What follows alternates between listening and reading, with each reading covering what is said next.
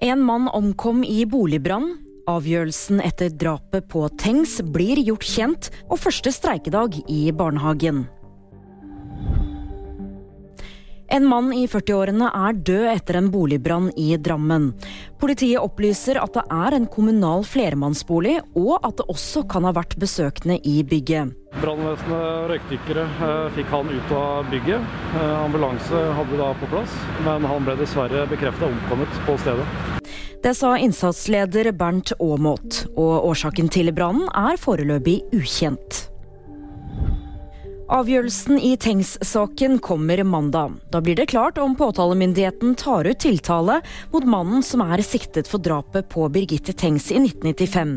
Det var i september i fjor at den nå 52 år gamle mannen fra Haugalandet i Rogaland ble pågrepet siktet for drapet.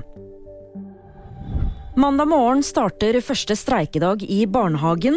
Drøyt 1000 ansatte i 112 private barnehager blir tatt ut i streiken. I første omgang er det snakk om medlemmer i Oslo, Østfold, Trøndelag og på Vestlandet. Det var VG nyheter, og de fikk du av meg, Julie Tran.